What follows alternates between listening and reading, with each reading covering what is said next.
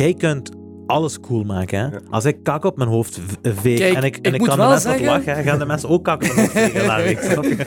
Daar ga ik over Erover nadenken. Ik ga dat ook Ja, een keer dat doen. Misschien krijg ik denk ik meer hits op TikTok. Ah, wel, je gaat sowieso hits krijgen. Welkom, welkom, welkom. Goedenavond. Welkom bij Podcast Het Perspectief. Vandaag hebben we een heel interessante gast, eh, namelijk Hassan Shahin. Hassan Shahin is eh, de eigenaar, denk ik, of co-eigenaar, maakt niet uit, ehm, van Number One Potatoes. Ehm, Hassan, het eerste wat ik wil zeggen, ik heb je al gebeld en ik heb het ook al tegen u gezegd.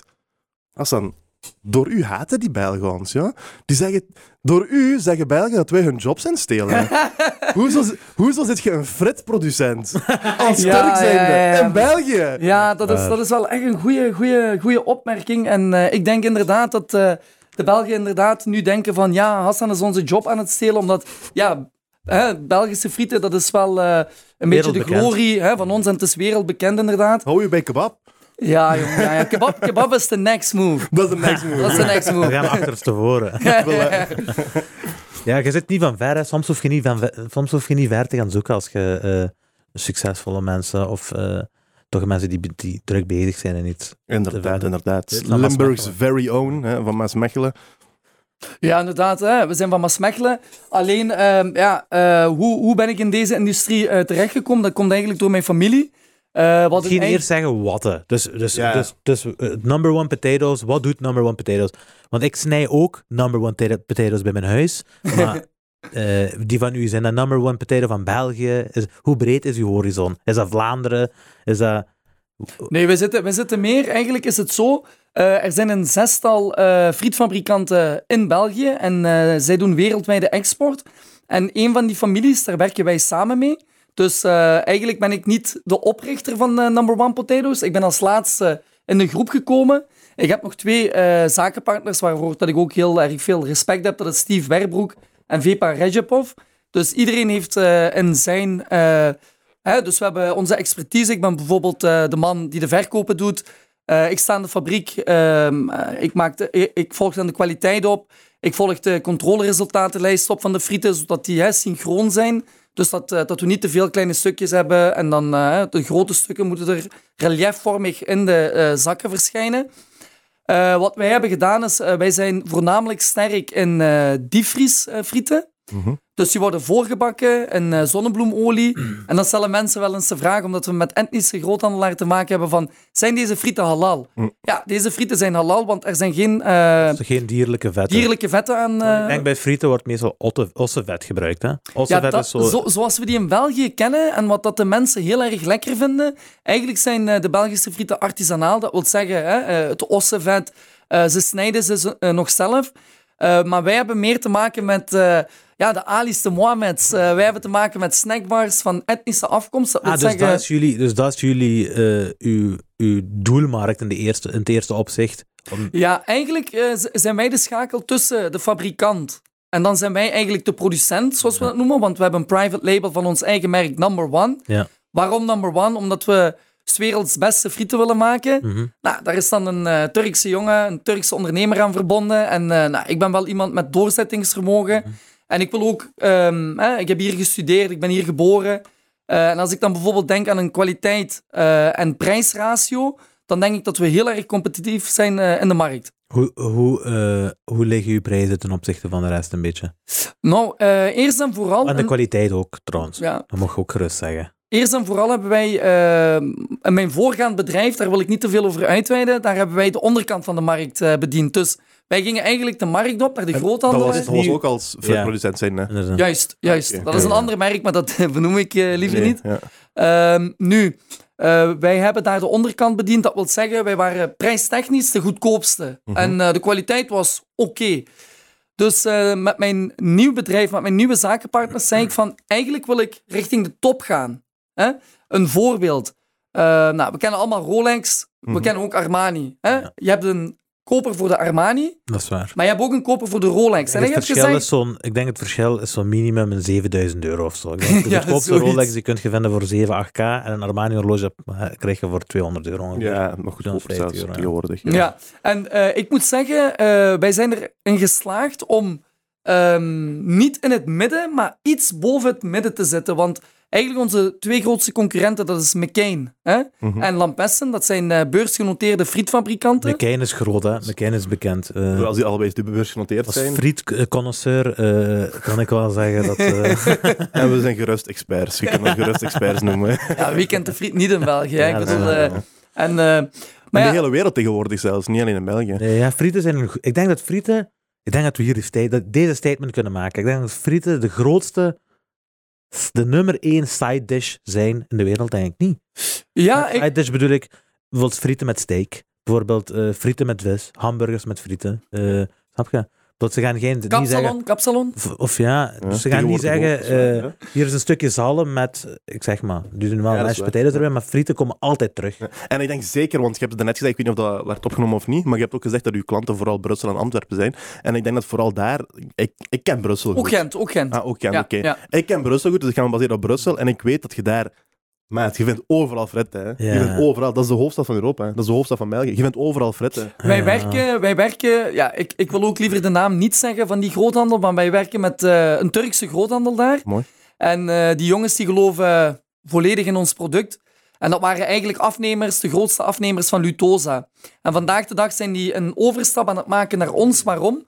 Wij hebben met de frieten hebben wij iets heel speciaals gedaan in de coronapandemie. Wacht, daar gaan we op komen. Oh. Wie is Lutosa? Lutosa, dat is zoals dat is- McCain, is dat een concurrent van... Dat is een, ook een grote frietproducent. Kijk, we hebben, we hebben in Be- België hebben bijvoorbeeld eh Farmfriet, dat is een grote. We hebben eh Klarebout, we hebben Avic, nee, Avico is in Nederland.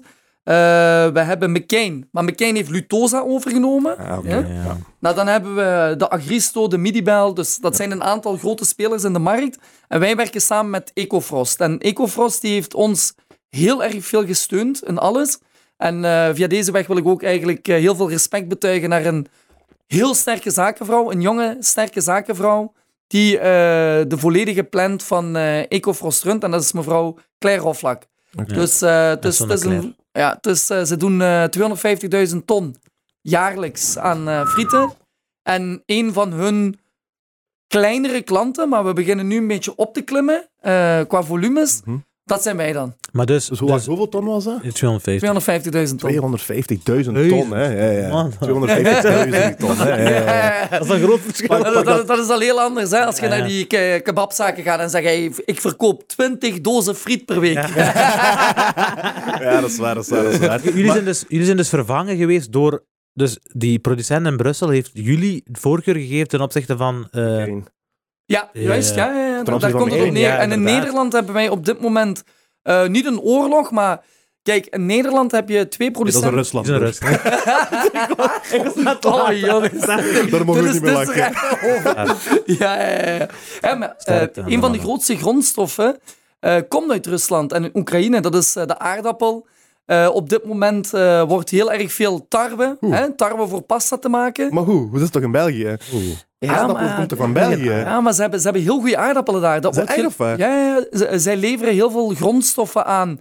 Eh, je hebt Farmfriet en McCain in Polen. Mhm. Maar ja, op vandaag de dag kunnen ze daar niet beleveren. Dus dat is een heel groot probleem voor hun. Ja, ja, ja. Maar wacht even, wacht. ik vind dat een beetje raar. Ik wil ook daar een beetje... Ja, ik vind dat een beetje raar. Want ik zou denken dat zowel qua prijs en eerlijk gezegd ook qua kwaliteit, België staat ook bekend voor hun aardappelen. Juist. Dus ik dacht vooral Die qua prijs dan, niet want je hebt die levering, ding is, die, die leveringprobleem veel minder, want je kunt die gewoon gaan halen bij een of Letterlijk andere met de boer. kabinet. Letterlijk.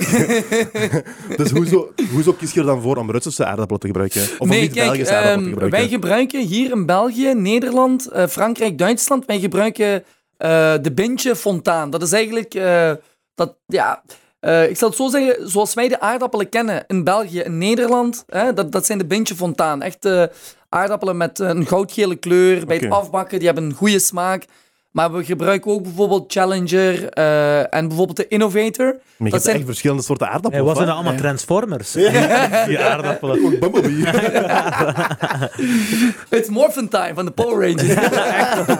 Maar hoe bedoelt je dat? Dus dat zijn allemaal... eh, dat is de 1-serie, de 2-serie en de 3-serie van aardappels. Ehm, ik, ik, ik zal het zo vertellen. Kijk, in België, Nederland, Frankrijk, Duitsland, daar zijn eigenlijk de aardappelvelden. Hè? Mhm. En dat wordt eigenlijk beheerd door ehm, de landbouwers. Maar die zien mij niet. Daar hoort je ook bijna niks over.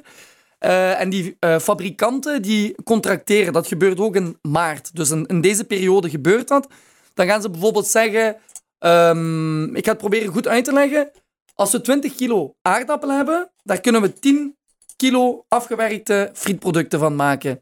En ik denk dat eh, in België, ik weet niet precies hoeveel, maar België en Nederland, dat is het grootste land bij uitstek die aardappelen wereldwijd verkoopt. Dus die boeren, hè, die wij wel eens zien en eh, misschien ook eens een keertje uitlachen, omdat we daar een bepaald stereotyp beeld van hebben. Ik, ik Die jongens- boeren niet uit. Die zijn, eh, die zijn echt stacked, diehard strijders. Die zijn stacked, Strijders hè. en zijn stacks. Die zijn ja. stacked, hè. De boeren van België, die zijn stacked. Ja, ja, ja. Echt waar. Die- Zo'n huizen, hè. Zo'n huizen, die ziet je niet, hè. Waarom? Die zijn niet in de straat met de andere huizen. Die Maar die zijn echt bescheiden ook, die Ja. mensen. Hè? Ja, dat sowieso. En die werken dag en nacht. Ah, dat, dat is zijn niet echt, ja. normaal. Maar, maar ik denk dat dat, eh, ik denk dat, dat eh, generational wealth is. Niet. Ik denk niet dat dat komt. Want kan ik nu zeggen, hè? kan ik ga boer boer worden. Ik heb Ik ga boeren- boer worden. Dat kan ik toch niet zeggen, denk ik? Nee, ik want je denk gaat dat al je oog zelf opeten. hè. Inderdaad. Dus, dus daarom laat ik het over aan andere mensen. Nee, maar ik weet het, dat is wel een goede vraag. Gelijk bij apothekers bedoelt je, of Ja. je dat zo moet overgeven. Of gelijk rechters bijvoorbeeld ook. Ja, die doen dat. hè. Of Maar ik politiekers denk, doen dat ik, zelf denk, ik denk het eigenlijk wel dat dat zo gebeurt. Want ik het is denk dat moeilijk dat om in één keer zo'n grote grond te kunnen kopen, denk ik. Zeker, om ja. daarop te gaan eh, zaaien en dan te gaan oogsten. Dus het is gemakkelijker om het van de papa over te krijgen. Ik denk dat dat het in de meeste gevallen zo gebeurt. Ja, maar ik, inderdaad, eh, ik heb ook eh, bepaalde specifieke opleidingen daarvoor. In Kortrijk, denk ik. Je hebt eh agro-cultuuropleiding. dat is hogeschool of op universitair kunnen ze dat doen. Ja. Dus die jongens hè, die gaan ook continu mee met de innovatie. Nou, die hebben betere werktuigen. Je ziet continu hè, dat ze sneller werken. Maar landbouwers die hebben het wel eh, van tijd tot tijd heel erg moeilijk. Waarom? Eh, omwille van het klimaat, hè, van de opwarming van de aarde, ziet je bijvoorbeeld dat in België, ja, eh, we hebben bijna eh, Egyptische temperatuur hier. Ja. Eh, vanaf april, mei. Dus eh, hè, Is dat zoiets slechts? Is dat zo slecht? Nee, hè? Is dat zo slecht dat het een beetje warmer wordt? Hebben we dat ook niet ook een beetje verdiend? Ja. Hebben we niet ook een beetje warm, hebben we niet ook een beetje warm weer verdiend? Hè? Ik vind van wel. Afgelopen de afgelopen week heb ik gezegd, eh, chapeau aan de opwarming van de aarde. Want, eh, voor een weekje. We appreciëren dat wel. niet te veel, niet te veel. Gewoon rustig blijven, jongens. Voilà, nog een weekje klaar. Hè? Allee, ja. Nee, oké, maar ik vind het dan nog altijd wel speciaal dat je echt als Turk zijnde in, in, in, in, de, in die fritwereld hebt gestapt. Gewoon. Hoe is dat juist gebeurd? Ja, kijk, ik zal, ik zal het zo zeggen. Een van mijn eh, idolen, dat is, eh, dat is mijn neef geweest. Mhm. Eh, hij zit al 25 jaar in de branche. Eh, Imam Shine, met heel veel respect. Eh, wij zijn uiteindelijk uit elkaar gegaan omwille van een eh, visieverschil. Maar hij is ooit benaderd door een grote familie in België. En ehm, eigenlijk 25 jaar geleden kennen we de, eh, eigenlijk de frietwereld eh, in het vers. Hè? Maar eh, die persoon, hè, die familie, die heeft hem weten te overtuigen van kom, we gaan diepvriezen. Dus eh, hij is door... eh, Moeilijke sector wel, hè? diepvriessector, alles gekoeld. eh, dus het is een beetje duurder, moeilijker om plaats te bewaren in de winkel. Eh, want in de winkels, eh je hebt maar zoveel plaats in de diepvriesruim. En ik denk dat die, en dan frieten in België, ik denk dat dat een, eh, een competitie is echt. Hè? Ik denk dat dat, of hoe, zit de Kijk, competitie? Is ik, zal, ik zal het zo zeggen. Het, het verschil tussen verse frieten, zoals we die kennen, en diepvriesfrieten. Eigenlijk heb je vers-vers. Dat wil zeggen echt zoals wij die thuis schillen. En dan, hè, zoals zo, mama dat doet thuis. Hè, ja. dat is vers-vers. Dat gaat naar de Belgische artisanale frituur, laat ik het zo zeggen, die in ossenvet eh, bakken. Mhm. Nou, dan hebben we voorgebakken vers. Dan zitten we meer in, in Brussel, Antwerpen wordt dat gebruikt. Waarom? Daar is massaconsumptie. hè? In Gent, daar is massaconsumptie. Dat wil zeggen, daar is toerisme. Dat vloeit Ja. af, dat komt. eh bruggen, knokken, hè, die plaatsen. Eh, het probleem is met vers, die hebben maar een houdbaarheidsdatum van oftewel vers-vers, ik denk 7 dagen. Oeh, En voorgebakken vers is al 21 dagen. Oké. Maar als we naar diepvries gaan, hè, dan zitten we op 24 maanden. Dat is een soort Ja, verschil. Hè? Maar wacht even, hè. Dus, jij gaat mij, dus jij zegt mij nu hè, dat als ik naar de frituur ga, dat die frieten voorgebakken zijn meestal Ja? en dat die eh diepgevroren zijn geweest. Nee. Kijk, eh, Ja, ik denk als ik naar de frituur ga, dan verwacht ik dat die man eh aardappelen gaat schillen. In de tijd dat ik er niet ben. Dat was misschien twintig jaar geleden. Zo. Gebeurt niet meer. toen, toen zijn de Ali's naar hier gekomen en die dachten, oh, jamais de la vie, ik ga dat echt niet doen. Ik ga niet schillen, dat is vrouwenwerk. Nee, ik doe dat niet. En toen kwam mijn oma en die zei, Ali, ik heb iets voor u, kijk. zo is dat gegaan. En toen zei Ali zo van, ja, maar dat is diepgevroren. En toen zei mijn neef van, ja, maar zet dat even een uur daar neer en dan, eh, dan ontdooit dat. En toen zei Ali weer, ja, maar nu wordt mijn olie eh, aangebakken. Dus kijk, als je frieten gaat bakken, en dat is nog niet ontdooid, dan, eh, hoe zal ik het zeggen, dan eh, beschadigt je eigenlijk je olie. En dan kun je dat minder lang gebruiken. Ah, oké. Dus wat doen de meesten? Die gooien die frieten bovenop, hè, zoals ze dat kennen. Dan ontdooit dat een beetje en dan gooi je die dat pas in de friteus. En dan is dat ook veel sneller. Ja. En vanaf het moment dat je een aankoop doet als een snackbar of als een groothandel, weet je, ik hoef 24 me- maanden niet om te kijken naar mijn frieten. Mhm. Maar als je vers doet, hè, dan, eh, ja, dan heb je al 7 dagen tot 21 dagen en dan is het al van Die wat moeilijker. Ja, dan moet je gaan verkopen buiten. Ja. je een, eh, iemand in een frietpak gaan zetten buiten als mascotte om mensen binnen te jagen. Ja. Bij de Albertijn of zo.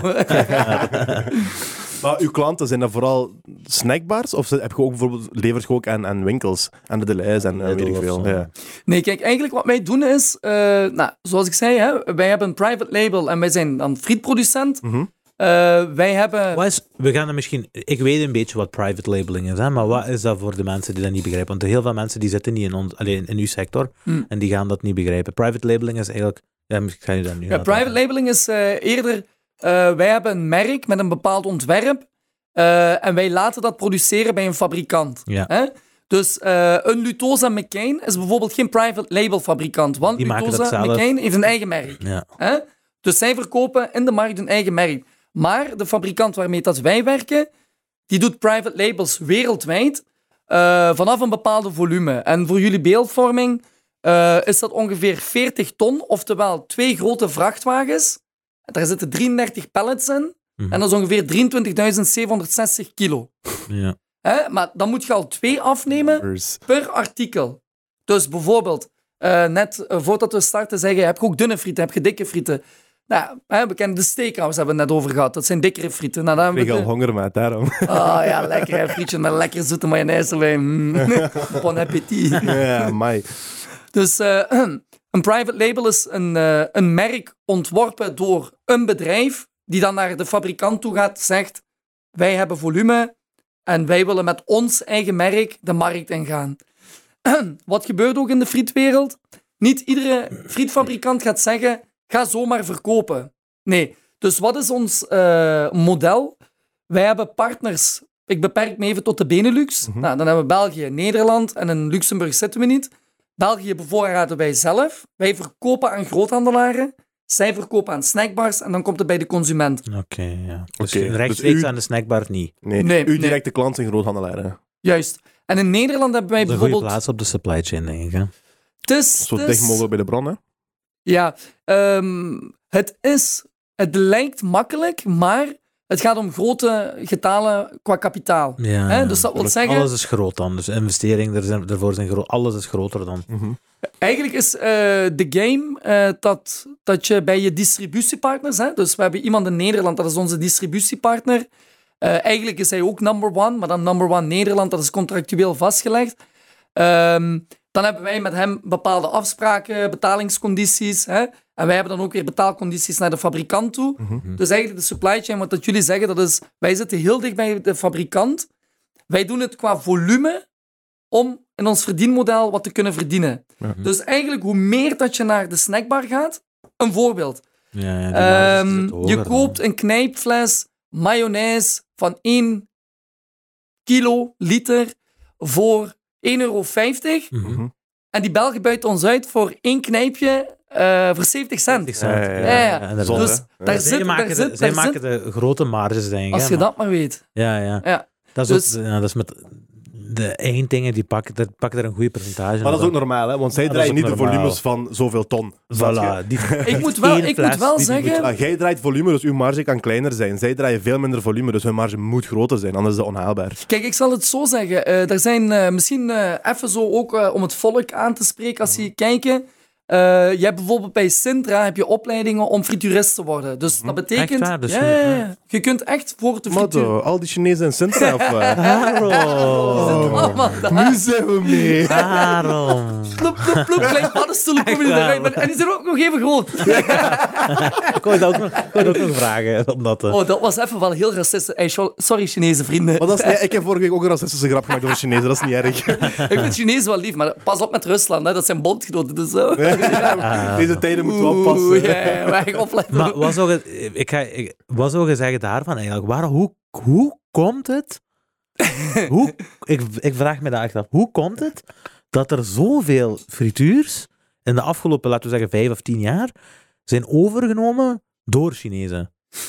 Ik denk... Waren die Chinezen hier al? Of zijn die gekomen voordat? eh, Ik ik weet het Kijk, in. Nederland... hoe, hoe is dat? Dat kan toch niet dat die zo strategisch te werk gaan?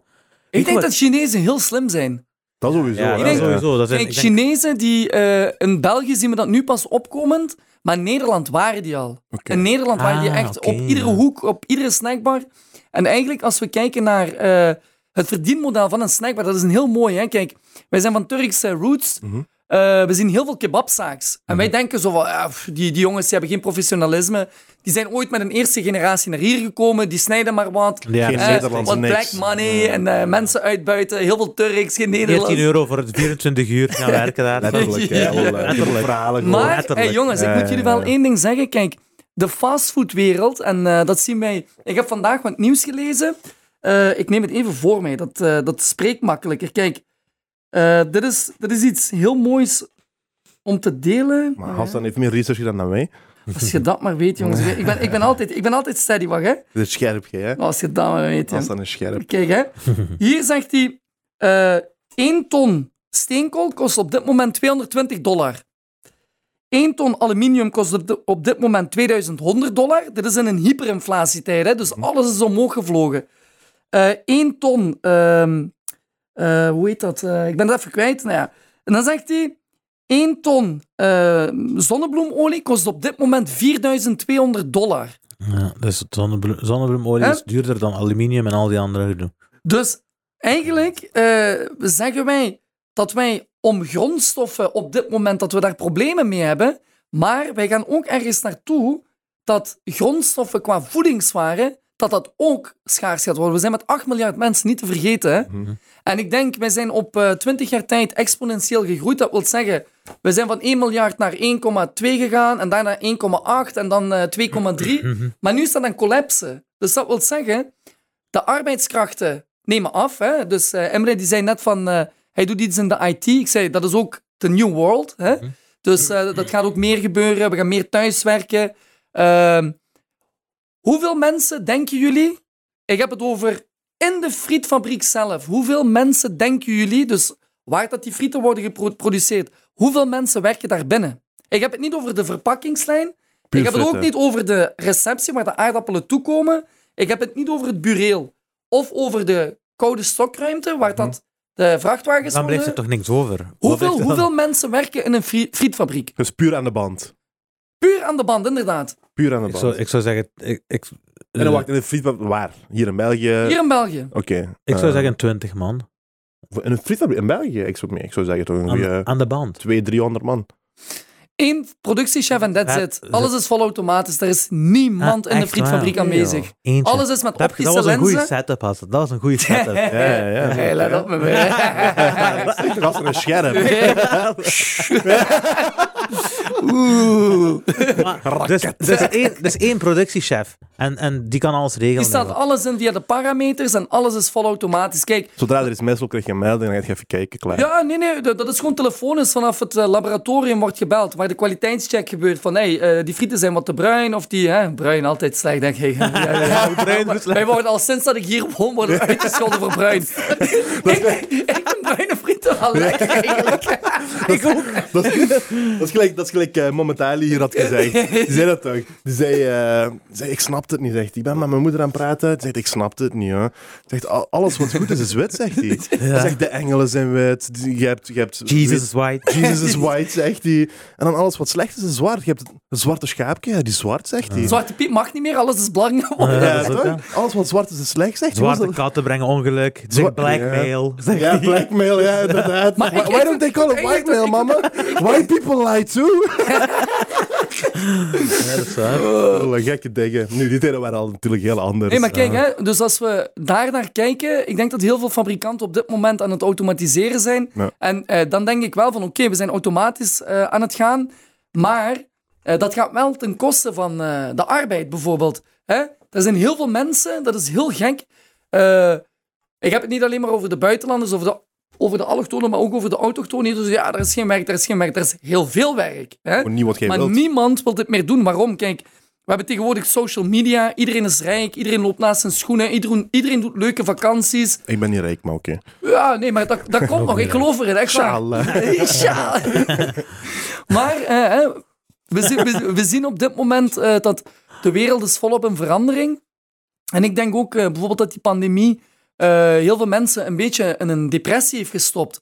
Sportscholen dicht, vakanties weg. Ja, dat is Eh, ja. In één keer QR-codes, eh, fitness dicht. En de kinderen. Eh, kinderen thuis, eh, afstandsonderwijs. Die gaat, die gaat afgeschaft worden. Misschien snel een applausje daarvoor. Veel te laat, maar bijvoorbeeld, Ik was dan thuis bijvoorbeeld op mijn, op mijn laptop aan het werken en dan eh, een conferentiegesprek aan het doen met de fabriek en dan hoorde ik dit. Alarm! Ga van tassen! met andere woorden, jongen, het ontbijt is klaar. Hè? Mijn papa van 74 jaar, ja, ja. Ja, papa, hey, eh, ik ben even met de andere kant van de wereld aan het praten. Ik ben, ik ben frietjes aan het... Ja, ja, frieten, doe maar later. nu eten, nu eten. Dat is belangrijk bij Turken. Je weet, Ja. als eten klaar is, moet je daar zijn. Echt waar. Maar tot, tot, hoe ver gaan u verkopen dan? Want je zegt tot de andere kant van de wereld. Tot... Kijk, wij hebben, wij hebben op dit moment, daar heb ik een interview op gegeven. eh, voordat ik in het merk stapte van Number One, dat is eigenlijk van mijn eh, zakenpartner Vepa Rejapov. Die jongen die is net... Vepa Rejepov. Rejapov, dat is een eh Turkmeen die wel Russisch spreekt. Dus eh, we zijn volledig op de hoogte van wat in Rusland gebeurt. eh. Ah, we hebben, Geen we hebben een ally met de... eh, ja, ja, ja. Turkije is ook nog aan het denken. hè. Rusland. NATO, aan het twijfelen. Die, gaat, die, gaan, die, gaan, eh, die gaan, Be- Erdogan gaat een bijltje plegen met eh Poetin. Ja, ja, ja. Eh, Ah, nee, misschien moeten we daar nog even over praten. Ja? Want vorige week, dus eigenlijk de aflevering die vandaag uitkomt, Ja. hebben we hebben ook een beetje gepraat over Rusland-Oekraïne. Maar toen was de situatie niet zoals die nu is, hè, voor alle duidelijkheid. Toen wisten we bijvoorbeeld niet dat er vluchtelingen werden geweigerd en dat er sommige vluchtelingen wel worden opgevangen met open armen. Dat wisten we allemaal niet. Ja, er is een beetje racisme in het spel. Exact. En ook die... Dat, heeft dat ook te maken met dat eh, in, in Oekraïne en Rusland ook wat eh, bruinere mensen zijn? Of zijn die allemaal wit? Dat die bruine... Er zijn blijkbaar een paar bruinere mensen en die worden niet doorgelaten. Dat is ja, het dat is- probleem. er zijn Ik, ik veel wist zwarte het, Eureka. Eureka, we zijn er weer. Dus er zijn van Afrikanen en zo niet doorgelaten. Hey, jongens, ik kan jullie wel één ding eh, meegeven. We zijn hier zo een beetje eh, grapjes aan het maken over eh, bruin en wit en zo. Maar ik moet zeggen, ik ben een van de weinige Turken, hè, Koerd. Ehm, ik heb nooit eigenlijk last gehad van discriminatie. Want eh, ik, ik, ik zat op het college vroeger. Hè? Waar, dat is Mechelen. Ja, Of wat is Maasmechelen. het college? Ja, dat is het college. De, eh, Campus de Helix is dat nu. Ah, oké, iedereen Maar kent ik heb, dat. ik, ja, heb, ja, ik heb nooit, echt waar, ik had super superveel vrienden, ik was best redelijk eh, populair, weet je. Eh, ik pestte ook eh, mensen, hè, eh, omwille van een witte huidskleur bijvoorbeeld. Nee, nee, ga maar, Eh, We zijn nu in de week van niet tegen pesten zijn. Waar zijn onze vier steppen? Dat is, nu, dat is zo'n Ja, ja, ja, campagne. denk dat, ja, ja, maar dus, eh, eigenlijk eh, wil ik ook eh, de mensen meegeven, hè, de, de wereld is aan het globaliseren. Dat wil zeggen, iedereen spreekt meer en meer eh, eh, Engels. Iedereen ehm, is connected aan elkaar. Facebook, Instagram, TikTok, LinkedIn. Ik heb sinds eh, kort contact gemaakt met eh, TikTok. Hè? Dus eh begint ook zo'n beetje dat ik denk, van, hey, eigenlijk is dat best wel een leuk kanaal. Ja. Wist ik eigenlijk niks van. Mhm. Ehm, We zijn ook nog altijd niet mee, maar dat is wel iets. ja, kijk, en bijvoorbeeld, eh, als ik dan thuis heb, mijn vader van 74, die kon vroeger met de Nokia kon die niet typen. En mijn vader kan nu met een smartphone, kan die bijvoorbeeld wel typen. Ja. En dan zegt hij, Olam, Instagram challenge me. Dus eh, zo, mijn Instagram doet het niet. Dat ik dan denk, en dan eh, bijvoorbeeld dat ik thuis kom, hè, dan, eh, dan ben ik bij een eh, vrouwtje geweest en dan heb ik dat op Instagram gezet, omdat ik ook wat heb gedronken of zo op dat moment, hè, een beetje euforisch. En dan kom ik thuis en zegt mijn vader, ja, waar was je? Dan zeg ik zo, ja, ik was bij een vriend. Zegt hij, sick, te laat. Bastard, motherfucker. Eh, maar om terug te gaan op, tot hoe ver verkoop je je frieten? Tot waar gaat je? Gaat je tot, de, tot over de pond? Of... Kijk, wij, wij zitten meer... eh, wij zijn gecentreerd in België, Nederland. We hebben ook een markt in Italië. Eh, we zitten in Zweden. Eh, we hebben aanvragen uit Dubai. Eh, wij leveren aan Marokko. Mhm. En ik heb zelfs, toen ik uit mijn voorgaand bedrijf ging, nou, dat is eigenlijk ze zeggen toch wel eens, hè, met familie moet je niet handelen, maar, Maar wandelen. wandelen, ja. Nou, dat is wel een beetje waar, want vanaf het moment dat je anders begint te denken en er zitten wat emotionele banden, dan is dat al heel lastig om met elkaar in gesprek te kunnen gaan. Dus toen ik eh, toch dat besluit heb genomen om te vertrekken, eh, had ik een heel goede band met Ecofrost, met Claire Hoflak. En op een gegeven moment, ehm, dus de machinefabrikant van de grote frietfabrieken, dus we moeten denken aan dorpen, zo groot zijn die frietfabrieken. Dat is eh, een fabrikant in Nederland. Ehm, die hebben mij gebeld en die zeiden van ja, Hassan, als je toch naar Marokko gaat, want ik ging Marokko bezoeken, een klant van mij, zei die van, eh, we hebben daar een unit neergezet, een frietfabriek die 10.000 ton maakt. Dus hè, wij doen hier 250.000 ton en de Marokkaanse glorie doet 10.000 ton. Ja. Hè? Daar worden minder frieten verkocht waarschijnlijk dan hier. Nee, heel veel. Ah. Uh, McCain zit daar, Lampessen Hoe, zit daar. en hoe, dan, hoe komt het dan? Of ze zijn daar nog niet doorgegroeid misschien. Nee, kijk, eigenlijk eh, Marokko is een eh, derde wereldland. We moeten denken aan sala- salariering van 200 euro, maar het leven is daar wel heel goed, heel mooi. Ja. Eh, die mensen zijn even warm als Turkse mensen. Ik heb een heel leuke ervaring gehad. Ik heb alle En steden waar gezien. zit je geweest? Eh, Rabat, Skirat, eh, Temara, Oujda, Tanger, Casablanca. Een goede route gemaakt. Ja, ja, maar echt door heel Marokko ben ik geweest. En toch toevallig, de cultuur ja. toevallig heb ik kennis gemaakt met het Marokkaanse Koningshuis. Bom. Dus de eigenaar van die frietfabriek. Eh, En mooi is... met de 17e. Nee, hoe heet die? Die heet ook Hassan. Die heet ook Oh, Hassan. is Hassan, Ja. de 17e. Hassan! Kent je, kent je die video? Ja, ja, Hassan, Hassan. Ja. Zonder haar tanden, die vrouw. Dus ja, op, op een gegeven moment leer ik daar eh Mustafa Laraki kennen. En Mustafa Laraki zegt tegen mij... Uit het niks zegt hij... Hassan, kun je mij 4000 ton aardappelen regelen? Kijk, voor jullie beeldvorming, dat zijn 50 vrachtwagens per week.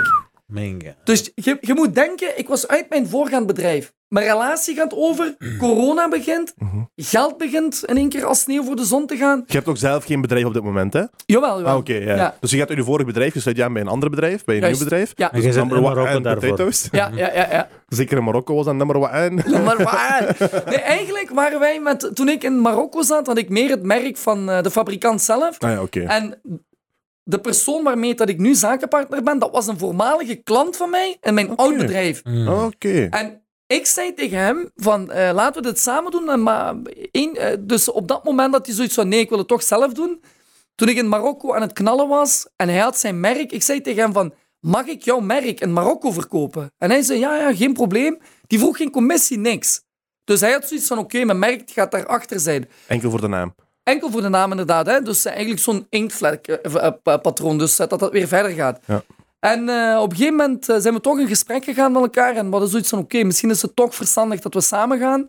En toen hebben zij besloten van, jij wordt het gezicht van number one. Mhm. En eh, de verkoper. Dus ik doe de verkopen, de kwaliteit. Ik ging dan zeggen, je zou, je zou verkoper moeten zijn. Jawel, jawel. Maar ik vind het ook leuk. Hè? Dus, eh, eh, ik kom in verschillende landen. De, de, de voertaal is voornamelijk eh, Frans. Allee, Frans in Marokko. Frans, Frans, ja. hè. Mais je parle aussi très bien le français. Je comprends presque tout. Maar wij niet. Ja. Maar het is, het is, Ja, dus het is je kunt wel... jezelf daar redden. Met Frans kun je overal, eh, kunt je overal je weg vinden in Marokko. Jawel, kijk, eh, niet, niet alleen in eh, Marokko, maar ook bijvoorbeeld waar de frietfabrikanten zitten. Dat is ook allemaal Frans. Hmm. Eh, Frankrijk, daar is een heel grote markt. Eh, Duitsland, ja. Eigenlijk, eh, misschien een boodschap die ik me wil meegeven is... ehm, wij, Turkse mensen, Koerdische mensen, Marokkanen... eh, eigenlijk alles met een etnische afkomst, die moeten zich hier niet benadeeld voelen. Want een migratieachtergrond, dat is eigenlijk perfect. Waarom? Wij hebben een bepaalde drang, maar we hebben ook heel veel jongeren in onze omgeving, als die niet het slechte milieu ingaan. Ik ben opgegroeid in Maasmechelen, super multicultureel. Eh, ik denk 40.000 inwoners, waarvan de helft buitenlanders zijn. Mhm. Ja. Hè? En daar zitten jongens met heel grote capaciteiten, maar die zien het niet. Want die Omdat ze zich ouders... minderwaardig voelen. Nee, ik denk dat die ouders die niet de juiste sturing geven. Eh, Waar komt dat uit voort, denk je? Want eigenlijk eh, dat fanatieke vaders die van voetbal houden. Ja, ja, Oh, bijvoorbeeld. we gaan voetballen. Oh, we gaan Ah, op daar je. Ja, ja, ja, oké. Eh, en dan zit je eigenlijk ook... Ik denk dat dat ook ingeburgerd maar ik denk eerlijk gezegd dat dat vooral voortkomt uit die minderwaardigheidscomplex. Zeker Want weten. onze ouders zijn hier gekomen als gastarbeiders in de mijnen werken. Ja. En dat is alles wat ze gaat doen. Je gaat naar hier komen, je gaat werken in de mijnen en dat is alles wat ze gaat doen. Je mag jezelf in een rijwoning zetten, samen met al die andere allochtonen, en dat is alles wat ze gaat doen. De ghetto. Als je dat ik 20 moet jaar lang doet, of als je dat 10 jaar lang doet, 15 jaar lang doet, dan, dan wordt dat... Dat wordt, dat wordt Geprogrammeerd. geprogrammeerd in je brein. En zo gaat je automatisch die invloed gaat je ook afgeven op je kinderen. Ik zeg niet dat dat bij iedereen het geval is, ik zeg niet dat dat bij elke allochtoon het geval is, maar dat is wel een, dat is wel een trend. Ik dat is een bepaalde trend die ik is denk, als ik in mijn, in mijn naaste omgeving kijk en ik zie heel veel vrienden van mij, ik ga ook geen namen noemen, ehm, je ziet dan dat die jongens of meisjes, eh, die beginnen dan wat geld te verdienen en die beginnen het echt op een heel absurde manier tentoon te spreiden. Maar dat komt ook daaruit voort, Dat denk is, ik. die, dat is die Dat is minderwaardigheidscomplex. om dat te en compenseren, die minderwaardigheid. Voilà, exact, dat is exact wat ik denk. Hè. Ja. Weet je, ik denk, eh, die ouders die stimuleren ook eh, die jongeren. Hè? Ik ben nu een jong volwassene, om het zo te zeggen. Ik voel me ook nog redelijk jong. Ik voel me 21, echt zo een, een, een, een, Jong van geest. sorry. dynamiet. Ja, hè? zeker. Ik heb er zin in, ik hou van de wereld, ik hou van de mensen. Heel mooi. Ik ben ook heel erg spiritueel ingesteld, hè? dus ik ben echt van de liefde en eh, laten we normaal doen. Hè? Ja. Eh, ik kom heel erg eh, op heel veel plaatsen. Ik heb bijvoorbeeld ook lesgegeven op hogescholen. Ik heb scripties laten schrijven. Eh, ik was ex-student of honor. Dat heeft gewoon te maken met, eh, ja, hoe ga ik het noemen? Een beetje cool misschien, eh, een beetje slang.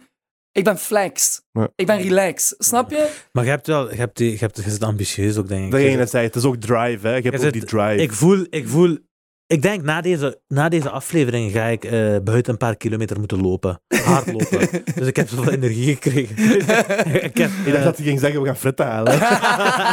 dat ook, maat. Dat ook. Oh, lekker Om gaan we lopen. Oh, lekker. Maar je zit, je zit, eh, je zit zowel Koerisch als Turks. Juist, Waar, waar juist. in Turkije zit je dan? Kahramanmaraş. Ah, Karaman. Dat is eigenlijk... Wat is Ah, dat? in met Van waar? Rido is.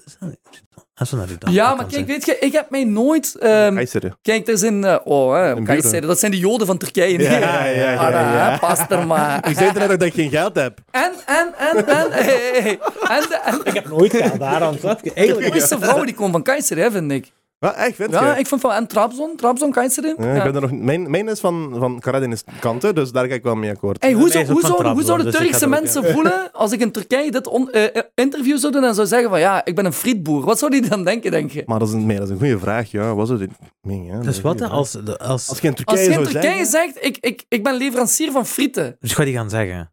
Dat is daar Kom. hè? Kom aan, kom aan tafel zitten en die zeggen, we- die wil, Turken die wil ook meepelen. Ja, Die wil een dat is kruimel. Je weet ook alles, Die hè? wil een kruimel. Die- die zeggen, dat is. Kom, kom eens een koffie drinken samen. En die zeggen, snap je, en dan gaan die Maar dat, is- praten. dat is waar wat Hassan zegt. Turkije weet alles beter. Die gaan dat zeggen. Die gaan die aan tafel roepen. Die gaan zeggen, ah, zo is goede frittinges. Maar, Ik zou dat op die manier doen. ik denk het al honderd jaar. Honderd jaar. Nog een frit gegeten. Ik zou dat op die manier doen. ik, moet, ik moet wel zeggen, kijk, bijvoorbeeld eh, de Turkse mensen... ehm, ik zie wel dat heel veel Turkse jongeren gaan studeren. hè? Eh, en dat is, dat is wel iets heel belangrijks. Waarom? Omdat, eh, ik heb dat ook al vaker gezegd, we hebben twee verschillende talen. Moedertaal. Turks, Nederlands, als we hier geboren zijn. We kennen de godsdienst van hun. We kennen onze godsdienst. Maar dan is, het, dan is de vraag, de ouders die gaan dan de godsdienst proberen mee te geven. En dan komen ze eigenlijk in een clash terecht. Hè? Ze komen bijvoorbeeld, ik zeg maar wat, je gaat op een humaniora studeren. Dus allemaal Belgische leerlingen. Dus je wordt al een beetje anders gevonden. Niet raar, anders. Want zij hebben een heel bescheiden opvoeding. De Belgische mensen zijn meer eh, down to earth. Waarom? Die zijn al generaties lang hier. Hè? Eh, die hebben ook al wat van papa en mama mee. Die hebben een spaargeld en ga zo maar door. Dus Zeker weten, Hè? ja, ja. Wij komen daartussen. En dat is inderdaad heel gek. Maar ik ben een heel humoristische persoon. Ik had eh, vrienden bijvoorbeeld waarvan de ouders eh, fabrieken hadden.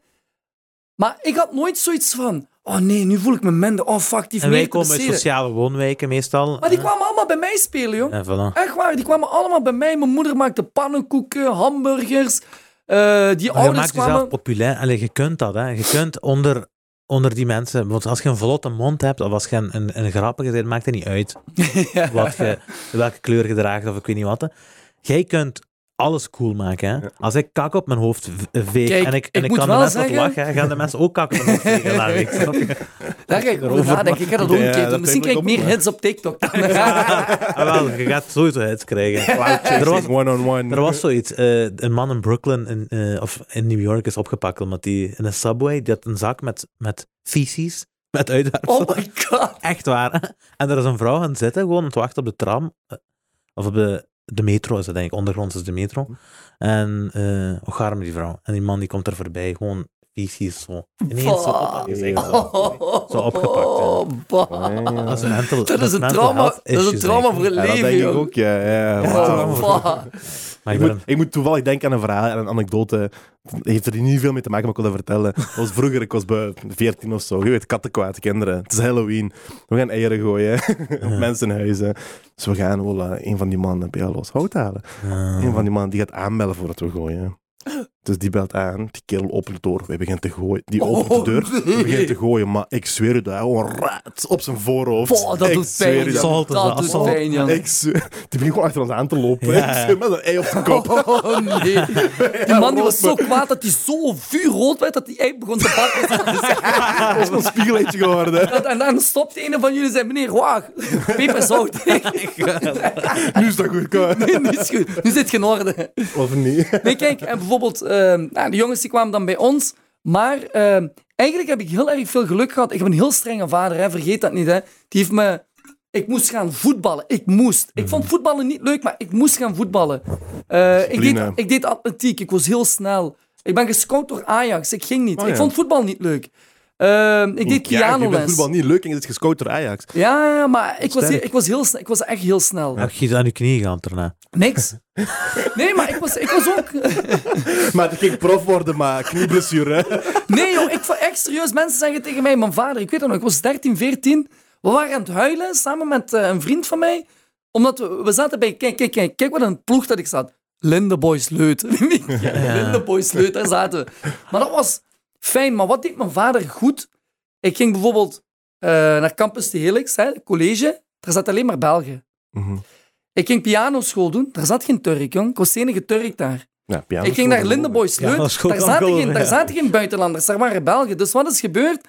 Eigenlijk, eh, eh, hoe zeg je dat? Dat je, dat, dat je kunt aanpassen. Dat is een heel mooi woord. integreren. Hè? Mhm. Dus mijn vader die heeft me eigenlijk een mijnwerkers mindset. Maar mijn vader is geen domme man. Die heeft ook gestudeerd in Turkije. Hè? Mhm. Maar die heeft nooit de kans gehad om de universiteit te, te doen. zetten, Ja. ja. En eh, omdat hij de kans had, moest hij zijn legerdienst doen. Mhm. Dus daar was gewoon geen geld. Hè? Eh, dat is vaak een situatie trouwens, Ja. hè? Bij, bij Turken van die leeftijd, van die generatie. Ik, heb ook, ik, zie, ik zie ook bij mijn onkels en zo. Dus Die, hebben- die hebben de capaciteiten en die hebben de wil Ja. zelfs om te gaan studeren. Mhm. Maar je zit in de bergen. Het is niet zoals in België. Als je wilt gaan studeren, dan moet je al naar Istanbul gaan of weet ik veel, dan moet je al naar daar gaan, dan moet je Ja. al dat gaan doen, dan moet je al geld hebben, dan moet je dit.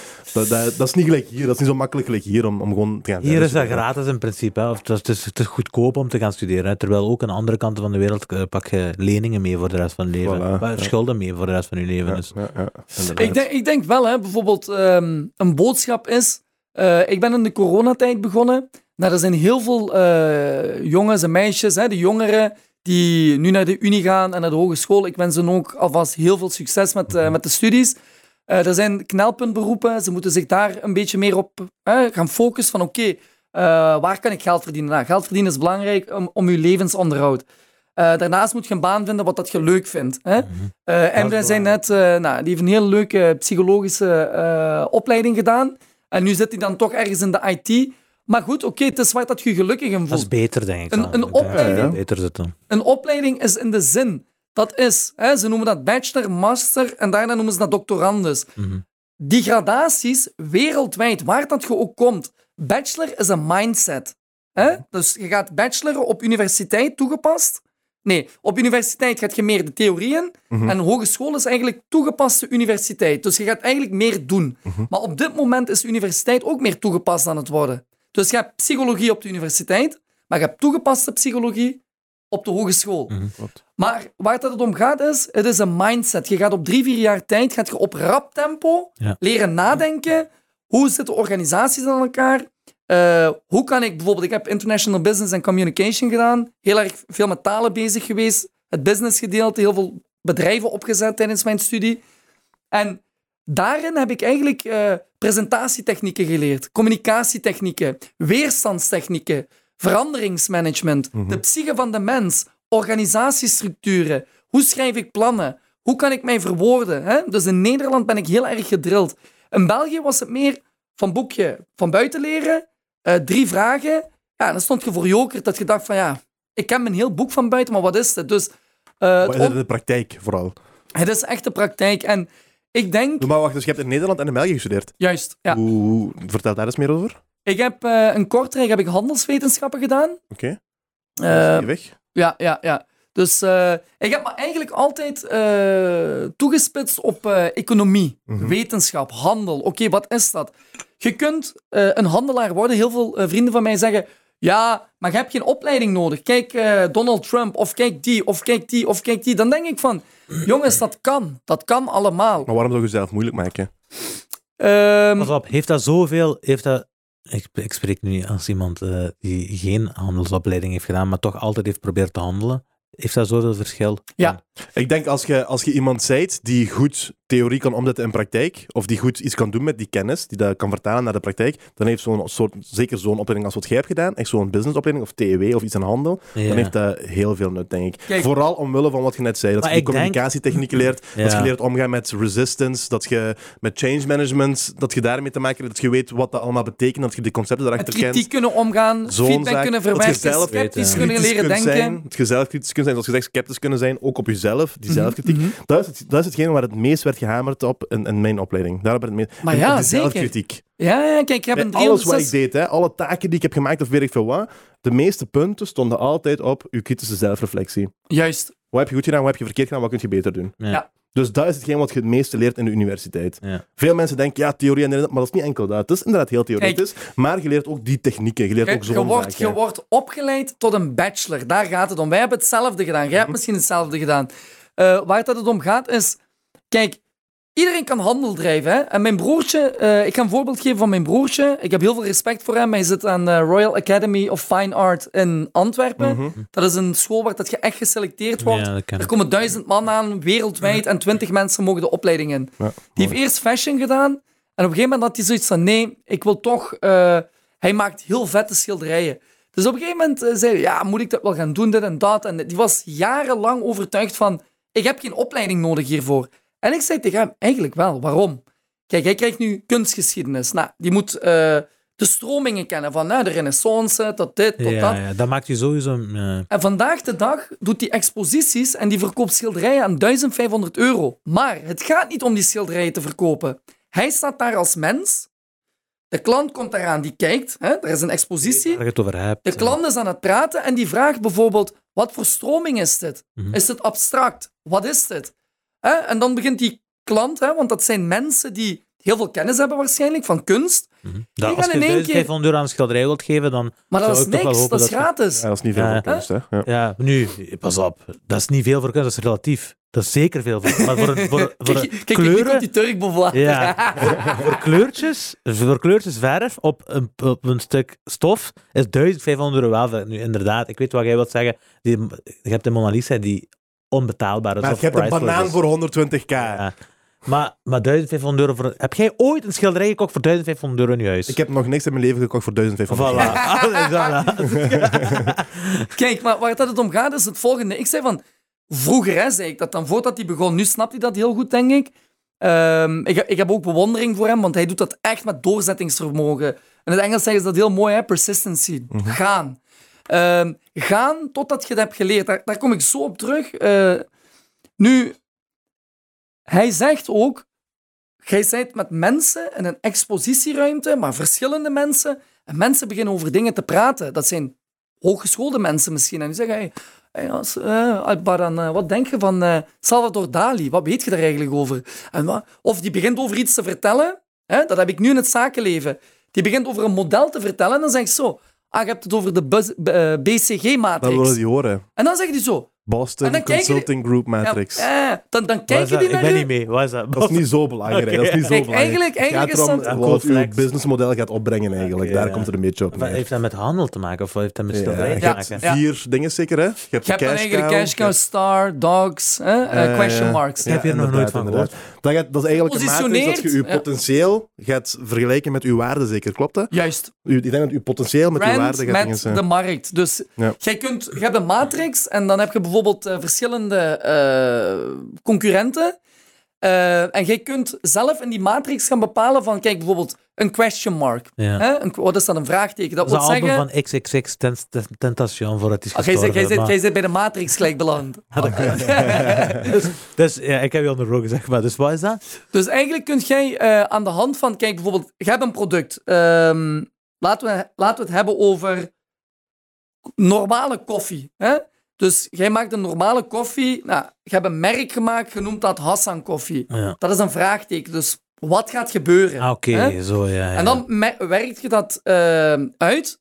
En op een gegeven moment zit je, hey, ik begin tussen de concurrenten plaats te krijgen en ik verkoop. Dus dat wordt een star. Ja. En dan gaat je eigenlijk van die star, op een gegeven moment zit je twee, drie jaar aan het verkopen. Ja.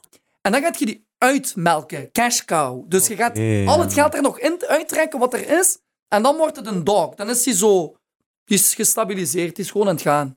Hè? Ah, Dus jij kunt dan zelf beslissen van, oké, waar zit ik nu? Je kunt die concurrenten daarin zetten. is deze dingen kun je dat op alles toepassen? Eigenlijk Alles. wel. Het een goede voorbeeld is, wat je er net aanhaalde bij de snackbars, de sauzen. De sauzen zijn een goede cash cow.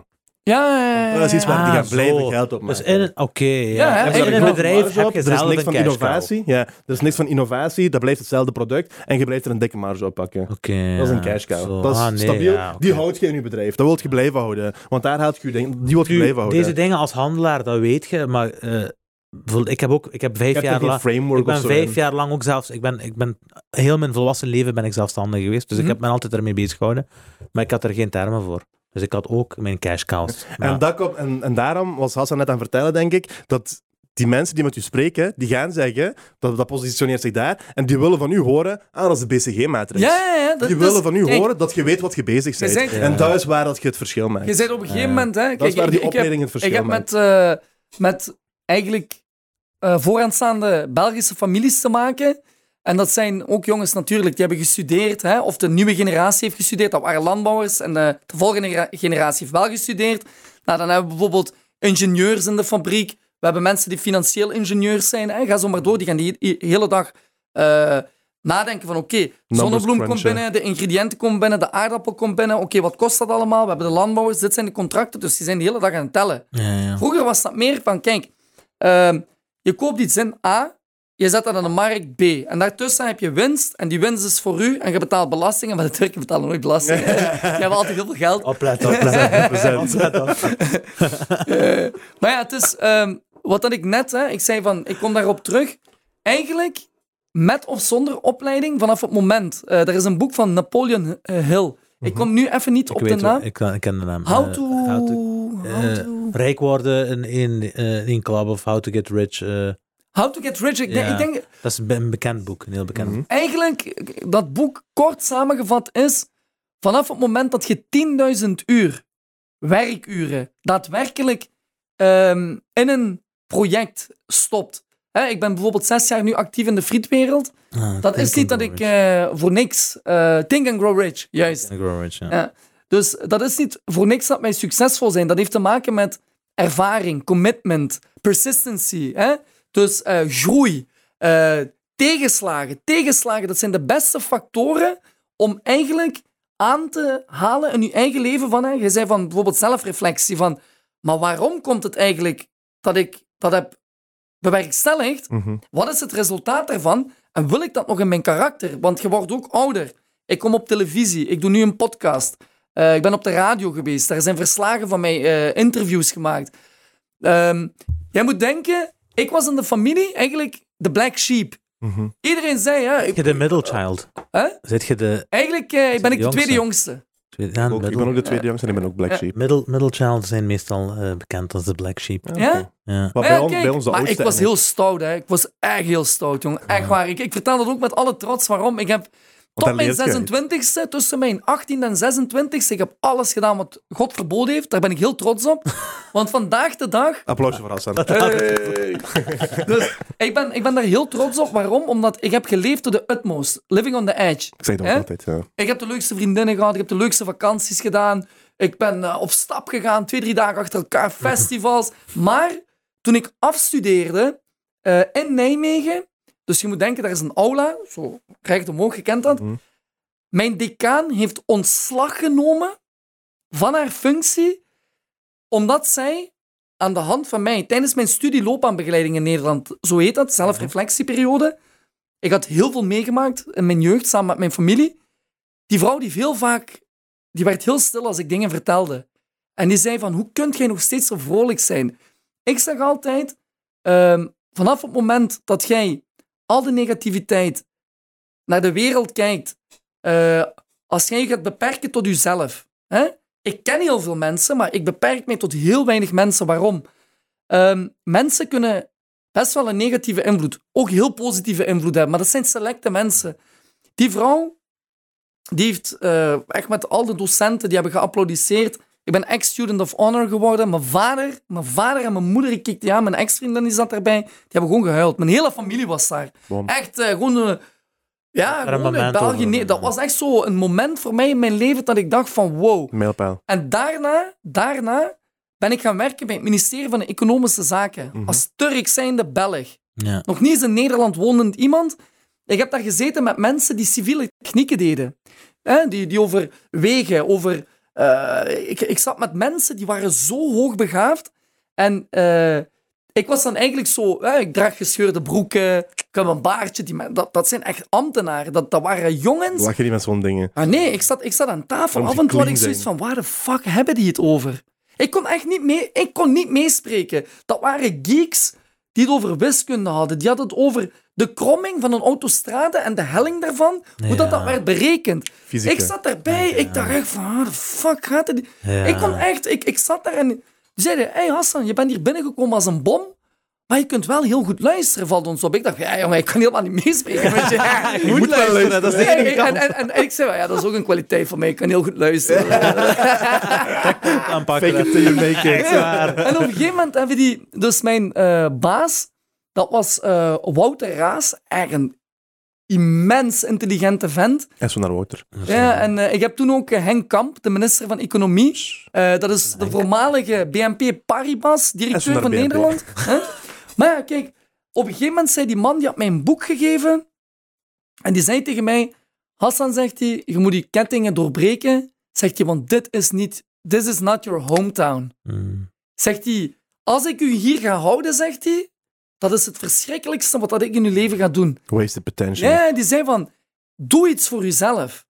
Ja, en toen Oké. kwam mijn neef uit Frankrijk, hè, die is heel bekend in heel Europa, die zei van, kom, doe de Benelux. Ja, zeker. Af. Ik dacht in mijn eigen, "Meh, frieten, Benelux, al die fabrikanten zitten hier.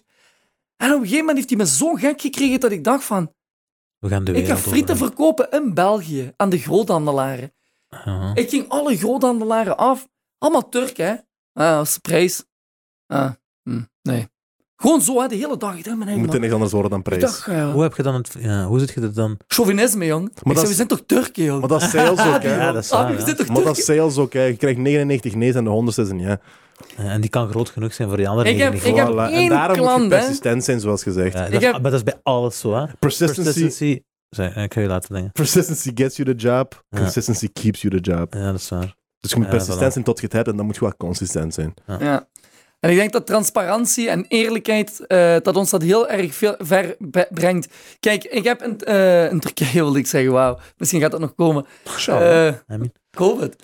Ehm, in Nederland ging ik bij iedereen langs en op een gegeven moment, ik was gefrustreerd. En ik ging naar een, naar een broer, naar een abi, naar Unal Abi. Mhm. Maar Unal Abi is een leraar in de moskee in Utrecht. Kijk, ik benoem die die man, ik heb heel veel respect. Die man die zei op een gegeven moment tegen mij, je bent een Koerd, hè? Ik zeg, ja.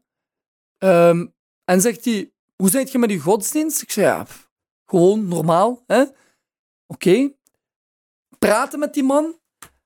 Zeg, eigenlijk zegt hij, zit je wel een sava kerel. Hè? Zegt hij, kom volgende week nog eens langs. Maar iedereen deed dat. Op een gegeven moment dacht ik van, ja. oh, dit is echt genoeg.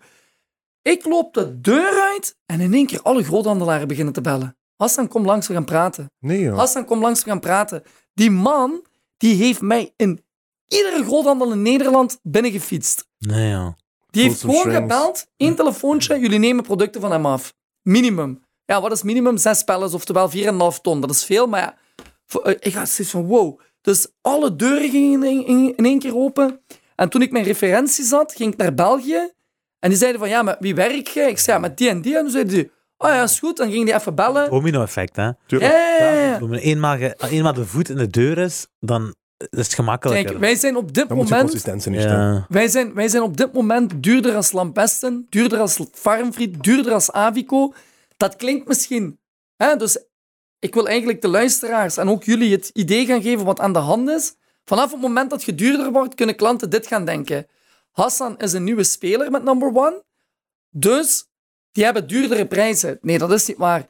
Wij kijken naar de hyperinflatie op dit moment. Hè? Brandstof, En daarop voor. transport, ehm, ingrediënten, ehm, alles eigenlijk, logistiek, eh, salariering. Dus dan maak je een kostprijscalculatie.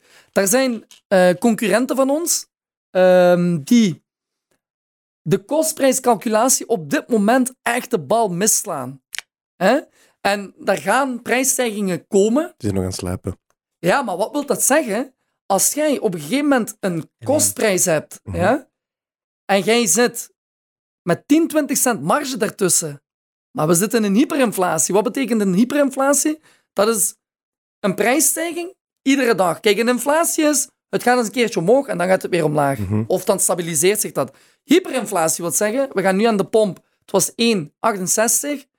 Eh, vrijdag was het 2 euro. Vandaag is het 2,10 euro.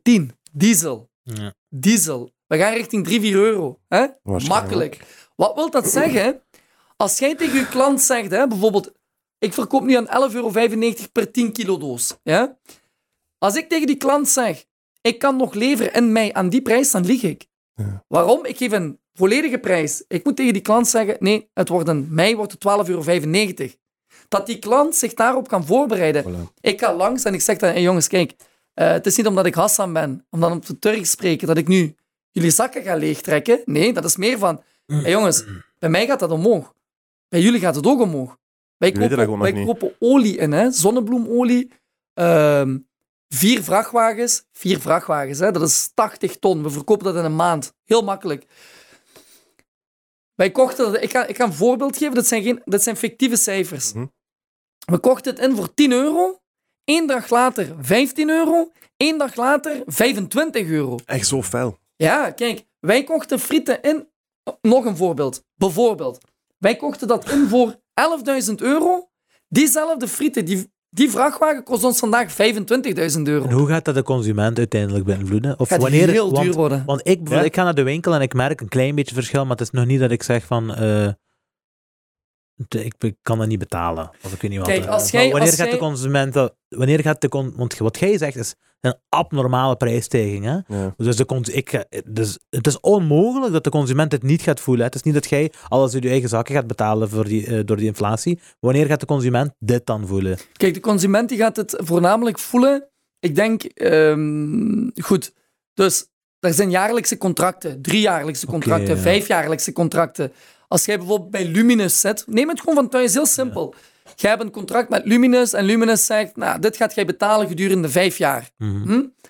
Maar als dit zo blijft doorgaan, gaat Luminus terugkomen en gaat zeggen, hey, luister, force majeure, daar is een oorlog, die kunnen we niet tegenhouden.